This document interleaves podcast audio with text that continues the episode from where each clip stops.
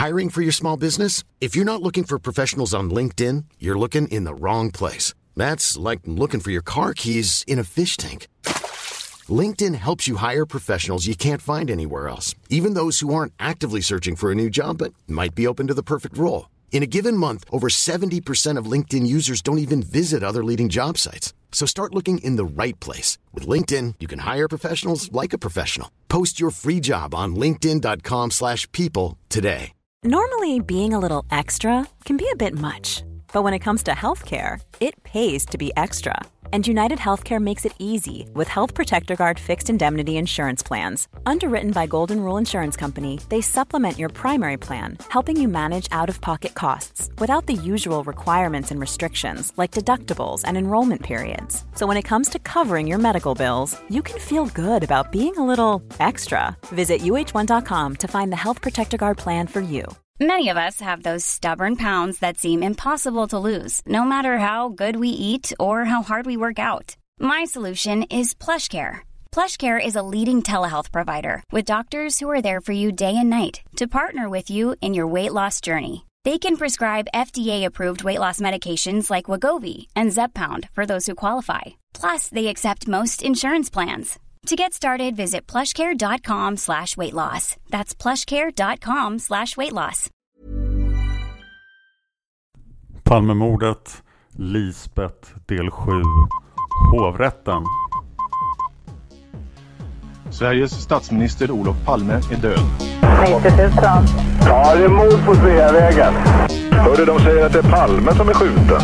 Mordvapnet med säkerhet är en Smith Wesson, en revolver kaliber .357. Inte ett svar. Det finns inte ett svar. För jag har inget. Och jag har inte varit Varför skulle jag göra Polisen söker en man i 35 till 40-årsåldern med mörkt hår och lång mörk rock. Välkomna till podcasten Palmemordet. Jag heter Dan Hörning. Och idag fortsätter vi förhöret med Lisbeth Palme från hovrätten. Jag gestaltar alla manliga personer inklusive försvarsadvokaten och åklagaren. Hovrättspresident Birgitta Blom samt Lisbeth Palme görs av Cecilia Humble från podden Yogist. Nu fortsätter förhöret. På sid 25, en bit nedanför mitten, står antecknat, jag citerar 40-årsåldern, cirka 180 cm lång och med kompakt kropp med kort hals. Han var mörk men inte på ett direkt sydländskt sätt utan håret var mer brunaktigt. Var håret brunt mörkt? Jag uppfattade det som mörkt, alltså inte en ljushårig person. Jag har sagt att jag inte var säker på om han bar mössa eller inte. Jag citerar, han var iklädd en blå, något lite bullig täckjacka som gick en bit nedanför midjan. Han hade vidare mörka, troligen grå byxor. Ja, mörka gav det ett intryck av. Men det kan ju också vara en belysningsfråga, men de gav ett mörkt intryck. Blev ni bländad när ni tittade upp mot mannen? Det var ju väldigt starkt sken. Nej, så starkt är det inte att man blir bländad. Nej, men det blir en egendomlig belysning när det är tänt på dekorima. Det var inte på något sätt bländande i alla fall. Mm, det var det inte. Byxor, kunde ni göra en sån iakttagelse att det var grå byxor? Jag tror nog att jag har sagt att det var mörkt och gav ett mörkt intryck, klädseln. Var det jeans? Det kan jag inte säga, jag har inte uppfattat det som jeans. Ni har sagt det i ett senare förhör med Hans Holmér den 25 mars 1986 i början på sid 28 och sid 29 strax ovanför mitten. Jag citerar. Han har mörka byxor. Det är inte jeans. Ni har tydligen sagt på det sättet. Jag vet faktiskt inte det. Det var mörka byxor som jag uppfattade, men jag vet inte. Det kan naturligtvis vara jeans. De gav ett mörkt intryck i alla fall. Jag fortsätter på sid 25, tio rader nerifrån. Jag citerar. I övrigt la fru Palme inte märke till några detaljer, vare sig utseende eller klädsel. Så har ni tydligen sagt. Här finns ingen beskrivning av ansiktet. Gör inte det i Holmers sammanfattning? Nu talar jag om förhöret med Reneborg och Sjöblom den första mars på eftermiddagen. Nej, jag vet inte. Då har ni tydligen där sagt att ni inte la märke till några detaljer, vare sig utseende eller Herr Liljeros, jag har fram till tiden för gripandet av den som nu sitter häktad, eller vad det nu kan heta, har jag beskrivit. Och allt som jag har beskrivit fram till den tiden har ju betydelse för iakttagandet av vederbörande. Jag var naturligtvis oerhört tagen. För mig var det inte klart att den person som stod tätt intill måste vara gärningsmannen. Det är fullt klart idag att det är på det sättet. Jag uppehåller mig vad ni har sagt vid förhöret den första mars.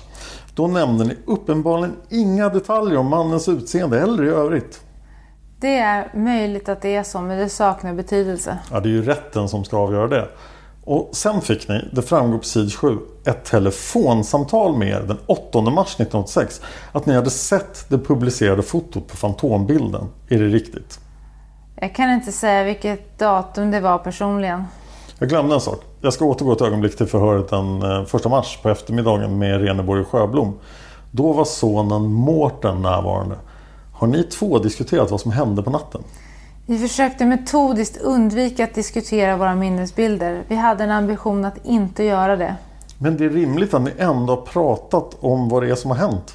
Men vi insåg mycket snabbt att vi skulle försöka hålla isär skillnaden mellan våra minnesbilder. Jag återgår till sid 27. Det var det här telefonsamtalet den 8 mars. Där det talas om det publicerade fotot som uppenbarligen var fantombilden. Kommer ni ihåg vad ni gjorde för reflektion eller uttalande med anledning av fantombilden? Jag kommer inte exakt ihåg. Jag har ju talat om fantombilden men jag kommer inte ihåg med vem jag talade. Men jag ansåg att personen var äldre och det har jag sagt i förhöret också att det var en äldre person än som fantombilden liksom försökte framställa. Jag har ju talat om en person i 40-årsåldern och sen tyckte jag att kindsidorna var mer markerade, att det var bredare vid kindsidorna.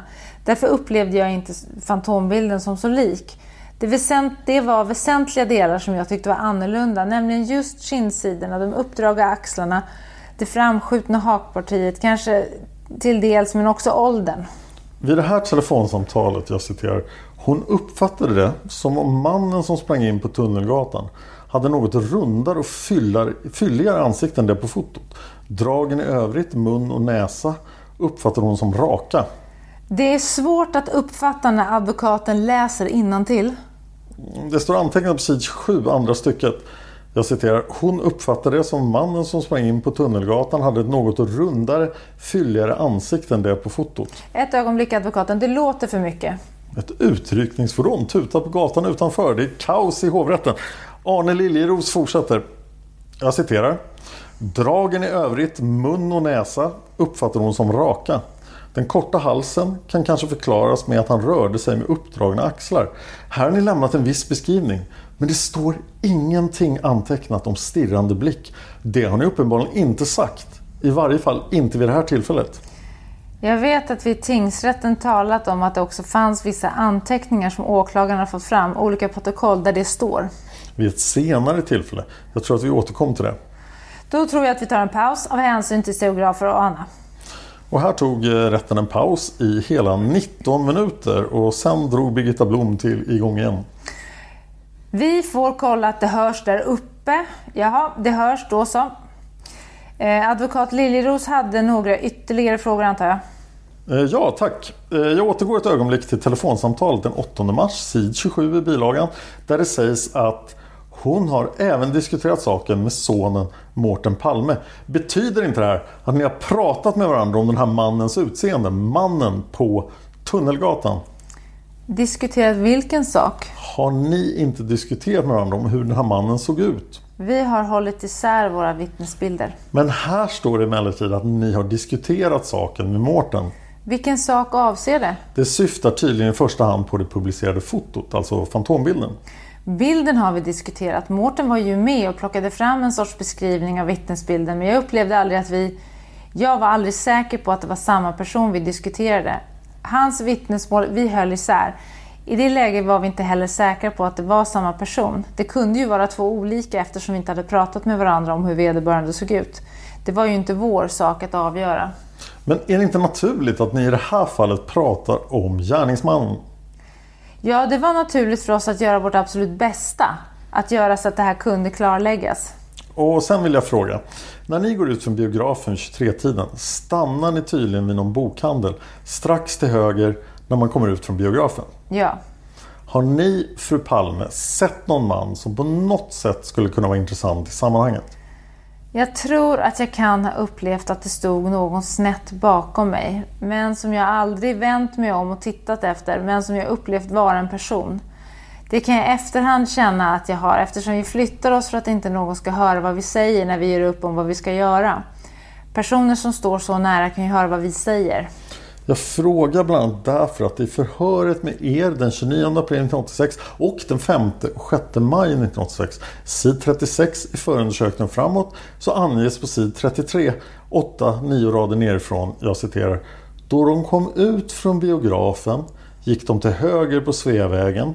De stannade utanför bokhandeln och samtalade. Under samtalets gång släcktes ljuset i bokhandeln. Lisbeth Palme la ej märke till någon person i omgivningen. Så står det. Det var ju fullt av folk i omgivningen. Det var ju fullt av människor efter bion. Men här måste förhörsledaren syfta på om någon person kunde misstänkas. Jag såg aldrig något ansikte på någon person. Har ni överhuvudtaget sett någon person? Jag upplevde någon i närheten av där vi stod, men jag har inte sett någon i ansiktet så att jag kan säga att jag har sett någon persons utseende. Här får man intrycket att ni inte har lagt märke till någon person som har ett samband med det berörda brottet, eller hur? Nej, det är möjligt att det inte står någonting där. Och sen när det gäller mordplatsen. Det är ju svårt att värdera alla upplevelser man har om de är av betydelse. Mm, be beträffande mordplatsen här. Hur går ni arm och arm, ni Olof Palme, när de faller ihop? Ja. Ramlar han omedelbart? Han sjunker ihop. Sjunker ihop? Och ni själv då? Kom ni också ner mot marken? Som jag nämnde nyss så sker väldigt många saker samtidigt och jag blir ju själv beskjuten. I och med att jag säger några ord om att det här, de här smällarna som vi har här nämnt om tidigare, herr Liljeros uppfattade det. Jag blir då beskjuten och vet inte då om jag också har blivit lika skjuten som min man. Jag vet inte det. Jag känner ju en smärta, men jag vet inte hur skadad jag är. Jag har sedermera sett att jag hade 3-5 mm till godo av det skottet. Det har inte diskuterats så mycket, men så var det. Ni, ni, blev uppenbarligen upprörd och chockad. Ja, jag blev mycket starkt berörd på det sättet att jag försökte, bestämde mig medvetet för att försöka nå hjälp om det nu var möjligt.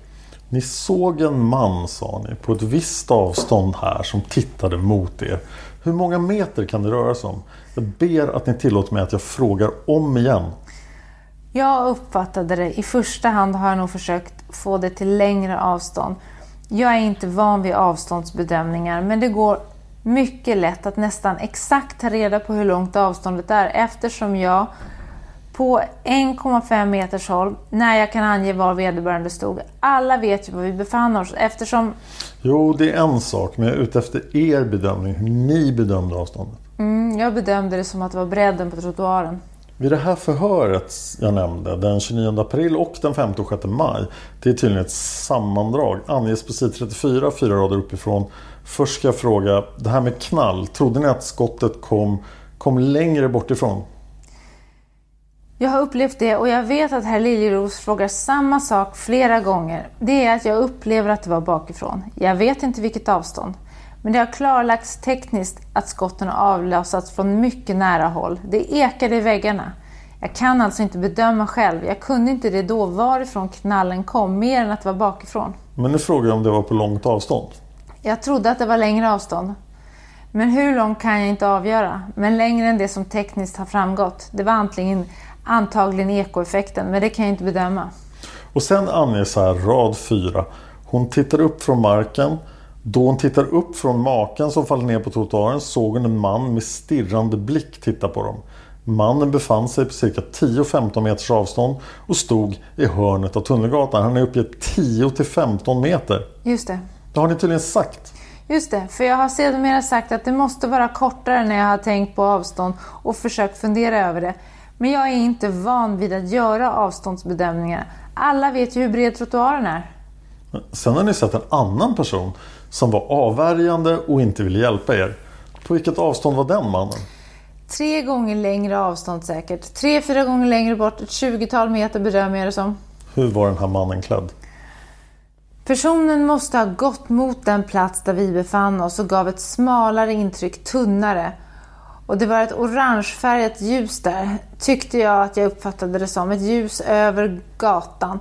Så jag vet inte om det var någonting beige eller någonting sådant. Men jag tror att jag uppfattade det som något ljusare färg på jackan. Skulle personen ha kommit norrifrån, från Tegnérgatshållet? Ja. Ni har sagt vid förhör att ni sett en man på 30 meter avstånd iklädd kort beige plagg som tittade enligt förhör i april-maj mot er. Ni talade om beige plagg. Det är väl riktigt?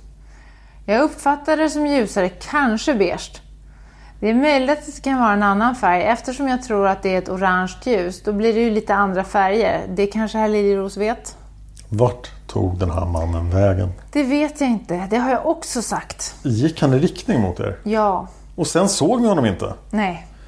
Det här med synförhållanden på platsen. Det kom ett ljus från Dekorima och sen ser ni mannen som ni beskrivit. Hans ansikte kommer att vara i skuggan så att säga i förhållande till Dekorima. Ja, det är svårt att säga hur skuggat det var, men jag hade en klar uppfattning om hur mannen såg ut eftersom han stod så pass nära och stirrade. Ni säger att er man faller ihop och ni kommer också ner till marken. Är det så? Jag är ju inte så... Jag ligger ju inte ner på marken. Nej, men kommer ni vid något tillfälle ner till knästående? Ja, det gör jag. I vilket skede ser ni mannen som ni har beskrivit? Hur lång tid kan ha gått från smällarna som ni hört? Ja, kanske... Det är säkert en fråga om sekunder. Mm, och tittar upp då. Har ni inte vid något tillfälle vänt er om så att ni kom med ryggen mot den här mannen? Det vet jag inte. Vid det första tillfället, jag vrider mig. Först tittar jag på vederbörande och ser den här personen stirra. Sen vrider jag. Sen? Sen vrider jag mig bakåt. Och så Birgitta Blom? Vad menas med bakåt? Jag vrider mig bakåt. Och så Lisbeth? Jag vrider mig bakåt med ansiktet mot Dekorima och bakåt och ser den här personen som jag hoppas skulle kunna hjälpa mig men som skakar på huvudet. Liljeros. Sen då? Och sen vrider jag mig tillbaka igen och då ser jag de här stegen som mannen med den stirrande blicken tar in i gränden. Vänta ett tag. Under ett visst skede ser ni inte mannen. Sen ser ni studsande steg. Jag har inte sett stegen. De måste han uppenbarligen ha tagit medan jag vrider mig bakåt. Sen vrider jag mig tillbaka och då har personen gått över till andra sidan Tunnelgatan och beger sig in. Och, och då upptäcker ni mannen igen? Då är han på väg bort. Jag uppfattar att det är samma person. Men i det läget ser ni inte personen i ansiktet? Nej. Det var några steg som ni såg av den här personen? Ja, men ett väldigt speciellt sätt att röra sig som jag uppfattade och som jag har beskrivit. Ni sa vid något tillfälle att han var spänstigt byggd. Nej, spensligt byggd var den som kom längre bort. Mannen som kom över på norra sidan av Tunnelgatan, gav han ett spänstigt intryck? Den som rör sig bort, ja. Det är en sorts eh, studsning i gången i de springsteg som vederbörande tar. Mm, sen när ni berättade att ni senare såg en man inne i gränden där det var mörkt. Var det så? Ja. Oh, hur lång tid kan ha förflutit från det att den här mannen tar några steg mot gränden fram till det att ni ser en person vara längre in i grannen? Jag tror att man har en benägenhet att överskatta tidsrymden. Jag har sagt en till tre minuter. Det är svårt att avgöra för mig hur lång tid det är. Men jag vet att jag tänkte att det var konstigt att det står en man där och stirrar. Och jag uppfattade att det var samma man. Men jag kan alltså inte säga att det var så tydligt. Jag hade antagligen inte dragit den slutsatsen om jag inte sett den första stirrande personen. Kan ni, det kanske framgick kanske av det ni sa förut, säga att det var samme man? Det är en slutsats jag dragit. Jag uppfattade det så. Min uppfattning är att det är samma person. Mannen skulle ha befunnit sig här vid baracken. Hade jag bara sett den mannen där hade jag inte kunnat säga så tydligt hur han ser ut. Hur långt avstånd till baracken? Jag vet faktiskt inte hur långt det är till baracken, men det går tekniskt lätt att ta reda på. Jag frågar om er uppfattning. Jag vet att herr Liljeros kanske tycker att det är intressant hur jag bestämmer avstånd. Ja, Men det är mer intressant att veta hur tekniskt det ser ut. jag är intresserad av er uppfattning. Jag vill veta hur långt. Det är tydligen längre in. Det kan vara 20-40 meter i varje fall en bra bit in i gränden som baracken står. Det är mycket svårt att avgöra när det är mörkt och jag är dessutom inte van vid att göra avståndsbedömningar. För mig är det här lite löjeväckande. Jag måste fråga. Jag förstår att herr Liljeros måste fråga. Vid förhör den 29 april och 56 maj 1986. Där står antecknat på sid 34, 4-5 rader nerifrån. Jag citerar. Då Lisbeth Palme tittade in mot Tunnelgatan, hon bedömde det till en till tre minuter senare, såg hon en man som stod cirka 75 meter in på gatan. Jag tror att det är en uppskattning av längden. Jag vet inte, jag har inte varit där sedan dess. Men ni har tydligen sagt 75 meter i de här förhören. Ja, herr Liljeros, jag har sagt att jag säkert har överskattat avståndsbedömningen till att börja med. 75 meter har ni tidigare sagt. Mannen som stannar, ni har en uppfattning om att det är samma man som ni har sett förut. Tycker ni inte att det vore mycket anmärkningsvärt om en mördare skulle stanna en till tre minuter vid Tunnelgatan Luntmakargatan? Jag har ingen uppfattning om annat än att det är anmärkningsvärt. Det är mycket anmärkningsvärt, eh, Liljeros. Ni talade förut om att ni hade viss psykologutbildning. Jag är legitimerad psykolog till skillnad från många andra som kallar sig psykolog. När fick ni den utbildningen? Jag gjorde min grundutbildning på 50-talet och min vidareutbildning i mitten av 70-talet. Hade ni under 80-talet kommit att ha bruk av er psykologutbildning? Ja, jag är verksam som psykolog till stöd för barn med särskilda behov för barn i Stockholms stad. Jag är verksam nu. Barnpsykolog? Just det, barnpsykolog. Då bedömer man också föräldrar och personal. Jag återgår till biobesöket. Ni träffade en del personer där när ni skulle lösa biljetter, var det så? Ja. Vilka var det? Som jag träffade? Ja, det var en kollega, eller inte kollega men en bekant till min man. Vad hette han? Jag har tappat namnet för ögonblicket. Var det Björn Rosengren? Nej, han satt bakom oss i biografsalongen. Han satt bakom? Kommer ni ihåg att ni vid tidigare polisförhör uppgett något annat namn än Björn Rosengren? Jag har sagt att det var en person i biljettkön. Det står ett namn till i protokollet. Det var det jag tappade för ögonblicket. Det är en bekant till min man i yrket. Det är namnet Björn Rosengren som jag är intresserad av därför att i samtal med Hans Holmér den 25 mars 1986, sid 28 strax ovanför mitten, jag citerar till bion åkte de tunnelbana, steg av i Rådmansgatan, stod i biokö tillsammans med Kurt Lidgard. Ja, just det.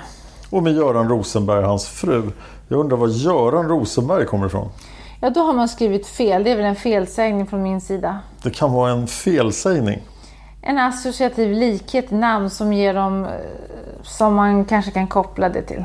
Jag övergår till konfrontationsvideon den 14 december 1988 på Riksåklagarämbetet.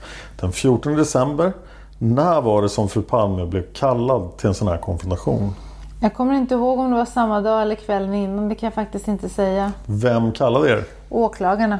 Kommer ni ihåg vem? Jag tror att det var Solveig Riberdal, men jag kan inte säga. Jag har bara haft kontakt med två. Fick ni någon förhandsinformation om vad det här förut skulle gälla och om ni fick andra uppgifter?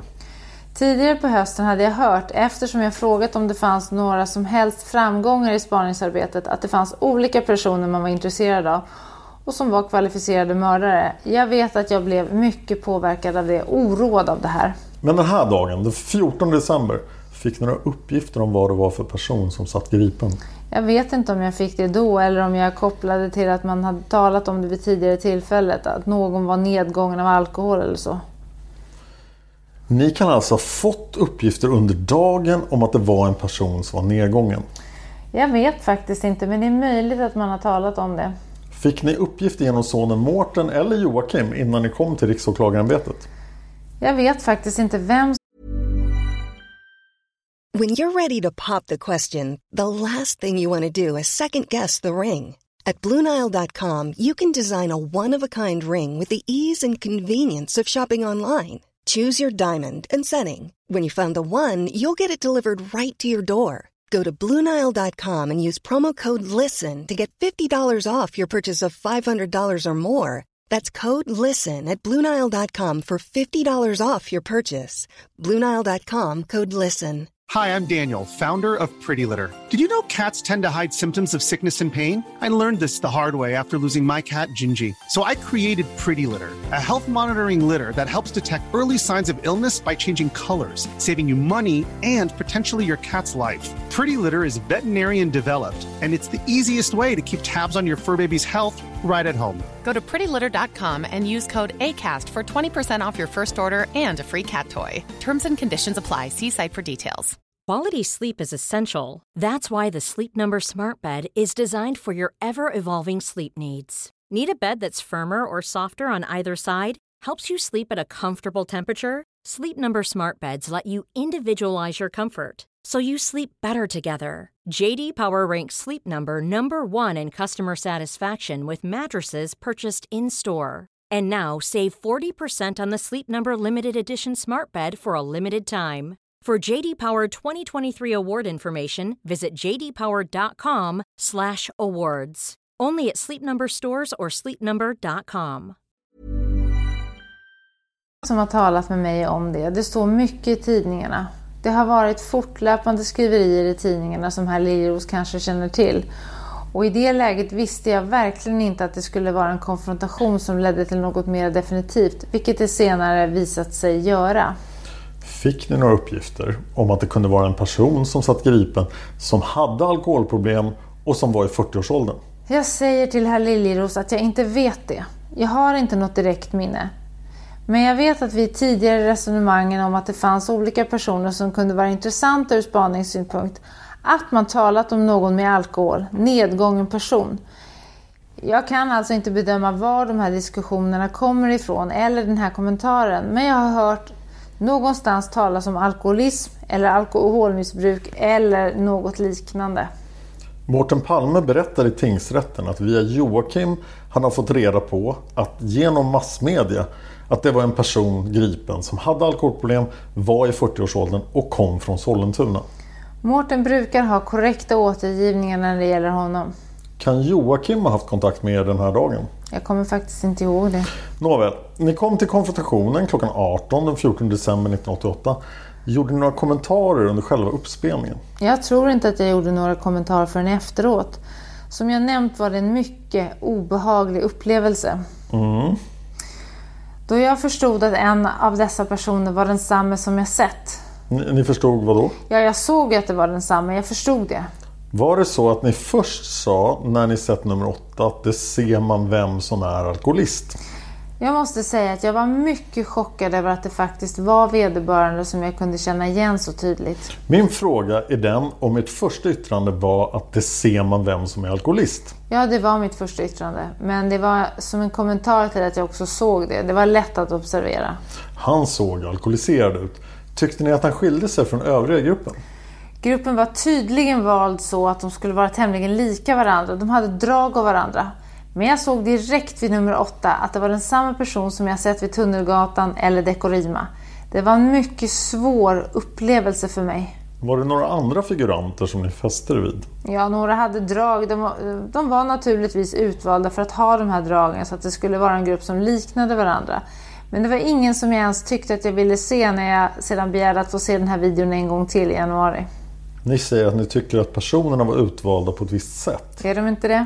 Det ska jag inte svara på, utan jag frågar Tycker ni att nummer åtta skilde sig från de övriga figuranterna? Ja, på det sättet att jag kände igen honom. Jo, men från övriga personer?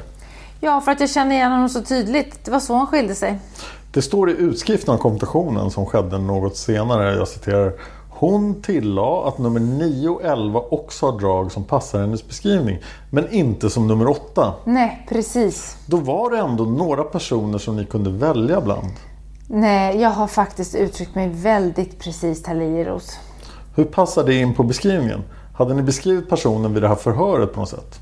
Inte vid det här förhöret. Jag hade redan beskrivit det i tidigare förhör. Det är tydligen riktigt att ert första uttalande är att man ser vem som är alkoholist. Just det. Jag tror att jag värjde mig så över det här. Då gjorde ni alltså en kommentar? Skrämmande igenkännande. Jag tror att jag i det läget också tyckte att det var en skrämmande grupp. Men det färgades av att jag kände igen vederbörande. Det är tydligen på det sättet att ni har gjort någon kommentar under själva videovisningen, inte bara efteråt. Jag tror inte att jag gjorde någon kommentar vid den första genomgången av videon. Det är möjligt att det har skett, jag vet inte säkert.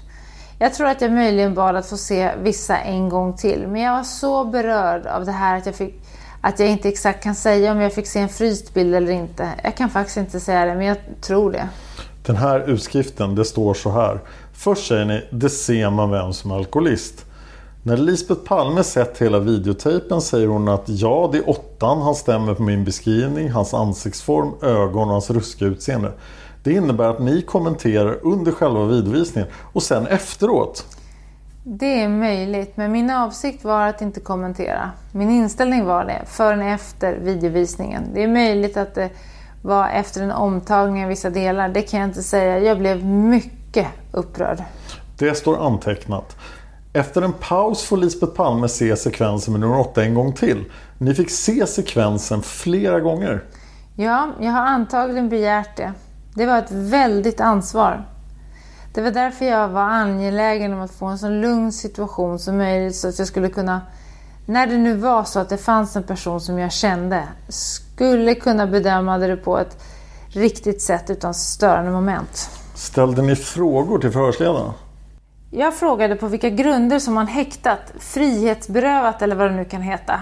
Vad frågade ni? Sa ni på vilka grunder? Ja. Vad var bakgrunden till de frågorna? Ett allmänt intresse eller vadå? Vad menar herr Liros med mina allmänna intressen? Jag undrar varför ni ställde frågor om varför mannen satt anhållen. Det är självklart att det berörde mig. Kommer ni ihåg hur länge förhöret eller samtalet, visningen av konfrontationsfilmen pågick vid ert besök på Riksåklagarämbetet? Det ställdes efteråt en del kompletterande frågor till mig tror jag. Eller det var i andra förhöret, det var andra gången. I januari ställdes en del kompletterande förhörsfrågor. Det första varade då tiden det tog att visa videon. Och det vet herr Liljeros hur lång tid det tar. Och sedan den ytterligare delen. En halvtimme sammanlagt. Jag vet faktiskt inte, men det vet ju herr Liljeros. Jag frågar. Jag vet inte. Jag har ingen uppfattning. Jag tog inte tid. Ni tillät inte att jag fick närvara och ej heller att bandspelare fick användas. Varför fick jag inte närvara? Jag har redogjort för hur stökigt och besvärande det varit vid de tidigare konfrontationerna. Jag menar att jag ville ha en situation som var så lite komplicerad att jag skulle kunna ägna mig åt att titta på den här videon och göra mina bedömningar på ett vederhäftigt sätt. Men ansåg ni inte att det var väsentligt att försvararen fick närvara? Jag har ingen som helst erfarenhet av rättsväsendet mer än av de stökiga konfrontationerna. Min avsikt var att värna ett så gott arbete som möjligt i utredningsarbetet. De tidigare konfrontationerna var i mars och april 1986. Det var väldigt långt tillbaka i tiden. Det var i samband med att vi tittade på den så kallade 33-åringen och eh, en till. Mm. Det hade gått flera år. Ja, men det hade inte varit mindre stökigt i utredningsmaskineriet. Men nu fick ni klart för er att det skulle vara klockan 18 på Riksåklagarämbetet en onsdag kväll. Det borde väl inte vara särskilt störande? Var det en onsdag kväll? Det var i varje fall klockan 18. Men var det en onsdag kväll? I varje fall klockan 18 en vardagskväll. Jag vill gärna veta vilken veckodag det var. Kan jag få en upplysning om det? Det var en onsdag, sägs det. Var det en onsdag? Det var en onsdag. Vad var det andra? Jag får det till en tisdag, den 14. Det var en onsdag. Den 26 januari var en torsdag. Jaha. Det var alltså en onsdag kväll klockan 18. Skulle det ha varit stökigt om jag fick närvara? Jag har ingen erfarenhet av annat. Jag ville bidra på alla sätt. Jag hade varit med om över 600 fotokonfrontationer och dessutom de tidigare konfrontationerna. Jag värnade om min minnesbild och ville inte utsätta den för några störande moment. Jag hade självklart ingen kunskap om Liros som person. När ni nästa gång fick se den här filmen, det var den 26 januari 1989 och ni sa att ni själv ville se filmen en gång till. Ja, jag ringde upp och sa det. Jag och chefsrådmannen vid Stockholms tingsrätt och även åklagarna ville att ni skulle se den en gång till.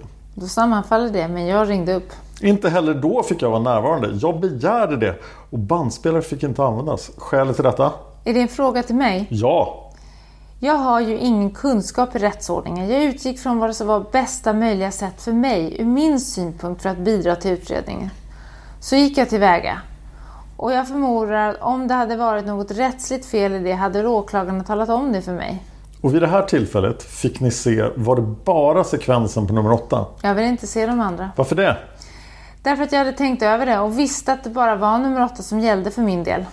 Under det här förhöret säger ni bland annat när det gäller vilka människor som var utanför biografen, ni kom ut från bion, sid 37 längst ner. Jag citerar. Det var ganska mycket folk som rörde sig och folk som stod och pratade utanför biografen. Lisbeth Palme har en känsla av att det stod en person i närheten av Olof Palme och henne när de stod och pratade med Mårten och dennes fästmö vid bokhandeln och så vidare. Det här är alltså uppgifter som ni inte har berättat om vid tidigare tillfälle. Jag har frågat er förut, men frågar igen. Var det någon person här som på något sätt väckte er misstänksamhet utanför bion? Jag bar en oro och misstänksamhet ständigt när jag rörde mig med Olof. Den här observationen som ni ser nu, kan den emanera från samtal med Mårten Palme? Det kan vara samhörigt med att det har väckt minnen. Det är ju ofta så att man får en association vid andra associationer som väcker minnen. Det är så det fungerar. Det är möjligt, det kan jag inte utesluta. Det finns en sorts fysiskt minne av att någon finns i närheten, bakom. Men som jag inte tittade på. Mm. Den här videokonfrontationen den 14 december 1988. Då hade det gått nästan tre år sedan händelsen vid Tunnelgatan. Är det inte tämligen omöjligt att efter tre år göra så pass bestämda uttalanden som ni har gjort här eller som ni gjorde vid konfrontationen den 14 december? Det var ju inte det. Vilket var inte det? Det var inte omöjligt för mig. Men jag frågar er, det förefaller tämligen omöjligt att efter så lång tid vara så säker på sin sak. Ja, man kan tycka det, men jag känner mig säker. Kan det finnas ett visst utrymme för misstag? Det fanns inte någon osäkerhet hos mig. Ni har sett den här personen kort, mycket kort moment intressant. Det var ju bara några få sekunder. Mm. Sen ser ni honom springa iväg och ser honom på mycket långt håll i mörkret. Det gör att jag naturligtvis måste fråga. Det bör rimligen finnas en viss osäkerhet. Det gjorde inte det. Efter nästan tre år. Ja, det är mycket svårare att glömma bort det än att komma ihåg det. Advokat Ekman har tydligen några frågor. Varsågod. Här kommer då Chris Petterssons andra försvarsadvokat in, Lars Ekman. Och han säger Jo, fru Palme. Jag uppfattar det som att ni har beskrivit att ni ser en person mot avfasningen på Dekorima. I nästa ögonblick ser ni samma man på Tunnelgatans andra sida. Inte i nästa ögonblick. Men nästa gång ni ser mannen blir på Tunnelgatans södra sida och så ser ni honom ta två steg in mot gränden. Är det riktigt uppfattat? Ja, två till två och ett halvt. Det var ett samtal mellan er och Hans Holmér den 25 mars 1986. Är det riktigt? Jag har inte datum så i huvudet, men det finns naturligtvis antecknat. Ja, det finns anteckningar här. Det var någon gång i mars. Det är angivet att det var den 25 mars. I mars var det ett samtal, ja. Mitt på sid 29 står det att ni lämnar först en beskrivning av mannen och sen står det så här.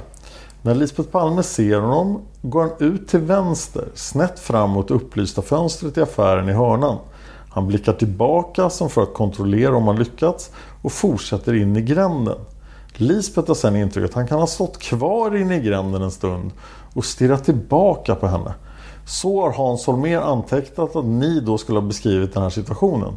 Har ni någon kommentar till det här? Hans precision är inte... Vad då?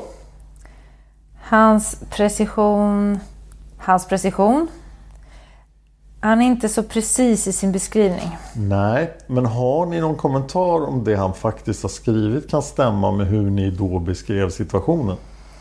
Ja, att jag stod och tittade på vederbörande och att jag ser honom springa några steg in i gränden och att jag sen såg honom inne i gränden.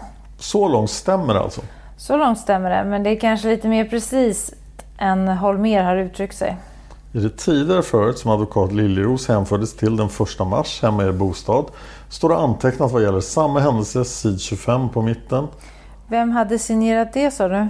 Signerat är det överhuvudtaget inte alls, men det är det förhör som skulle ha hållits av Av Renefelt? Av Reneborg och Sjöblom. Sjöblom står som uppgiftsmottagare. Jag citerar. Snett bakifrån såg hon hur en man sprang in på Tunnelgatan. Han stannade en bit in, vände sig om vartefter han fortsatte. Någon annan la hon inte märke till. Jag har inte sett var han fortsatte, vad jag kommer ihåg. Men att han stod vid den här byggbaracken, det la jag märke till. Men där beskrivs som att ni ska ha sett en man snett bakifrån. Ja, så är det ju. Men idag har ni dessutom sagt att ni skulle ha sett honom framifrån. Ja, vi har ju först talat om att jag ser honom framifrån och sen snett bakifrån. Det finns inte med i förhöret den 1 mars. Men alla förhör sammantaget fram till videokonfrontationen måste ju vara av intresse. I förhöret den 1 mars står antecknat om smällarna som vi har hört er beskrivna här. Eh, Man har uppfattat er så att det inte lät som att de kom från nära håll och ni trodde att det var ungdomar som lekte med smällar och så vidare. Är det här en riktig beskrivning av hur ni uppfattar avståndet på ljudet? Ja, jag kunde inte bedöma att det var på så nära håll, men det har senare tekniskt visat sig att det var på nära håll. Hur nära då? Det ekade antagligen. Jag vet inte hur ljudet tog sig omkring. Det var skrämmande och jag vände mig om i ett ryck. Vid förhöret den 1 mars fick inte heller då användas bandspelare. Vilka är skälen till det? Inledningsvis, det kanske inte uppmärksammades, sa jag här idag att det är av samma skäl hela tiden för att jag inte vill att bandspelare ska användas. Vad fanns just då vid det här tidigare tillfället? Det finns alltid samma skäl. Då har väl inte varit bes- besvär med läckage till massmedia? Jag förutser vad massmedia gör. Jaha, det var en förutseelse av vad massmedia gör. Precis. Inför konfrontationen den 14 december frågade ni efter vilka grunder som gällde för anhållande eller häktning som ni sa. Vad fick ni för svar av åklagaren? Jag kommer inte exakt ihåg. Ni har speciella formuleringar för sådana här saker. Det var väl på goda grunder som personen misstänkte som ingick i konfrontationen. Det var på goda grunder. Jag vet inte hur ni uttrycker det. Jag kan inte er terminologi. Birgitta Blom, Kommer du ihåg vad åklagarna sa det? Lisbeth, För mig, jag uppfattade att det var därför att det var så mycket allvar bakom gripandet att det kunde föranleda, överhuvudtaget föranleda ett gripande så måste det finnas starka misstankar då vad jag kan förstå.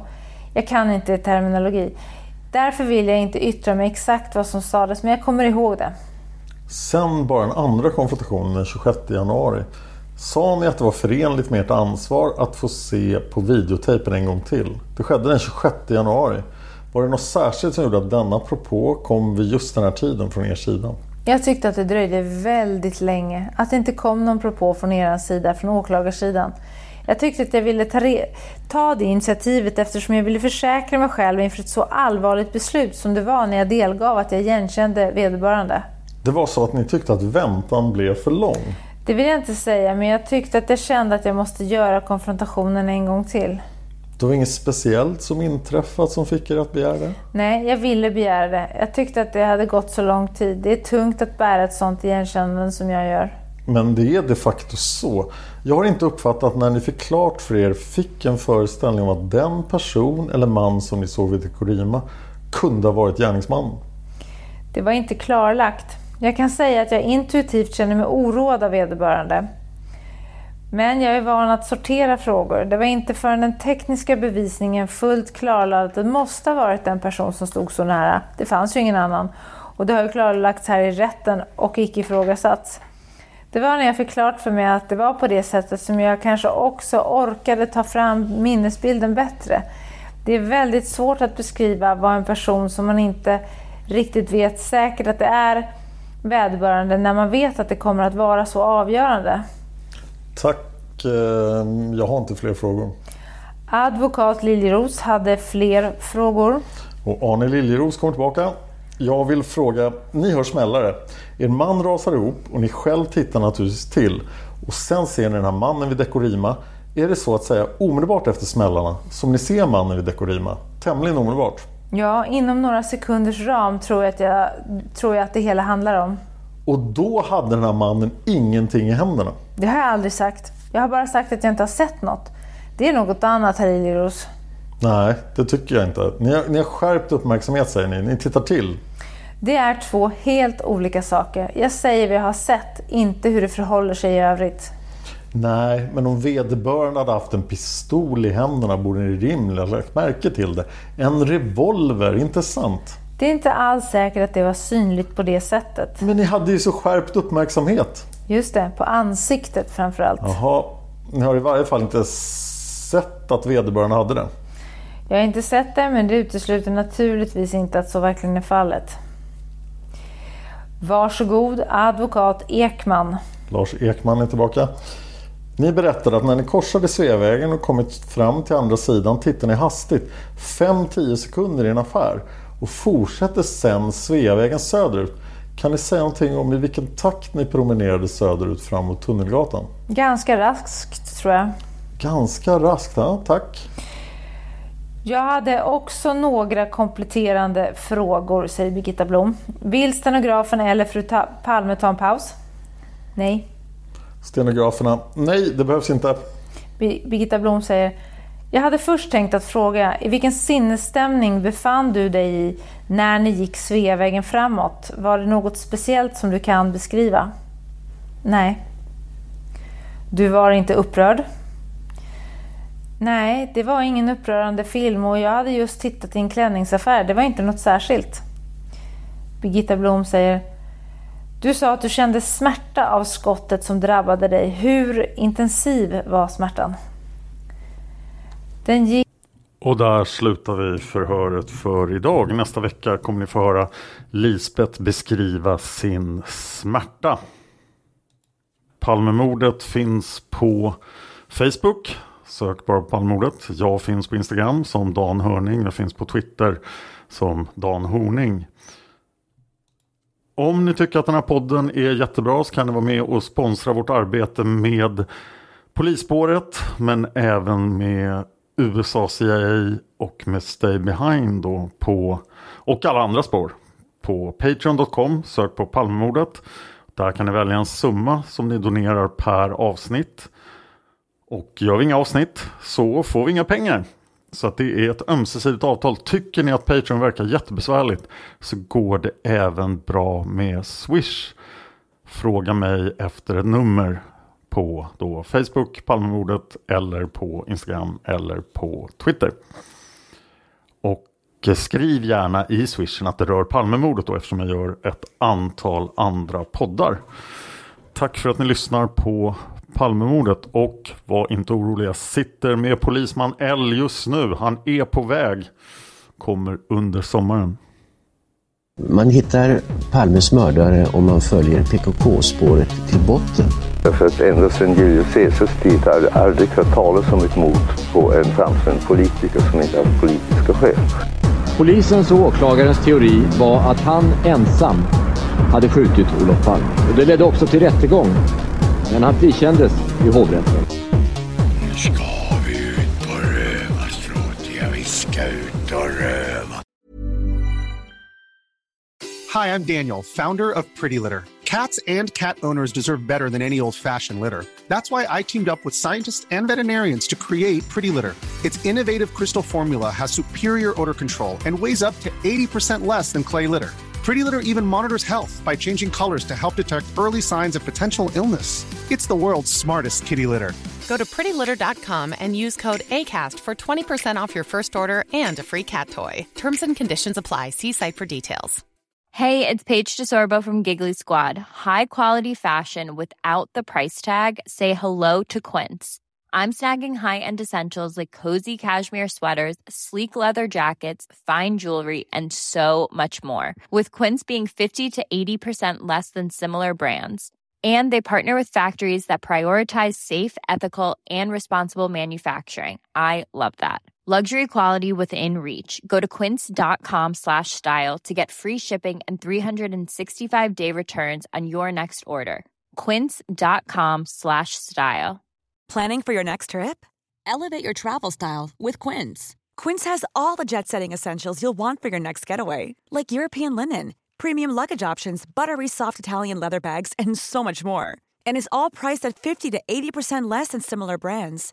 Plus, Quince only works with factories that use safe and ethical manufacturing practices. Pack your bags with high-quality essentials you'll be wearing for vacations to come with Quince. Go to quince.com/pack for free shipping and 365-day returns.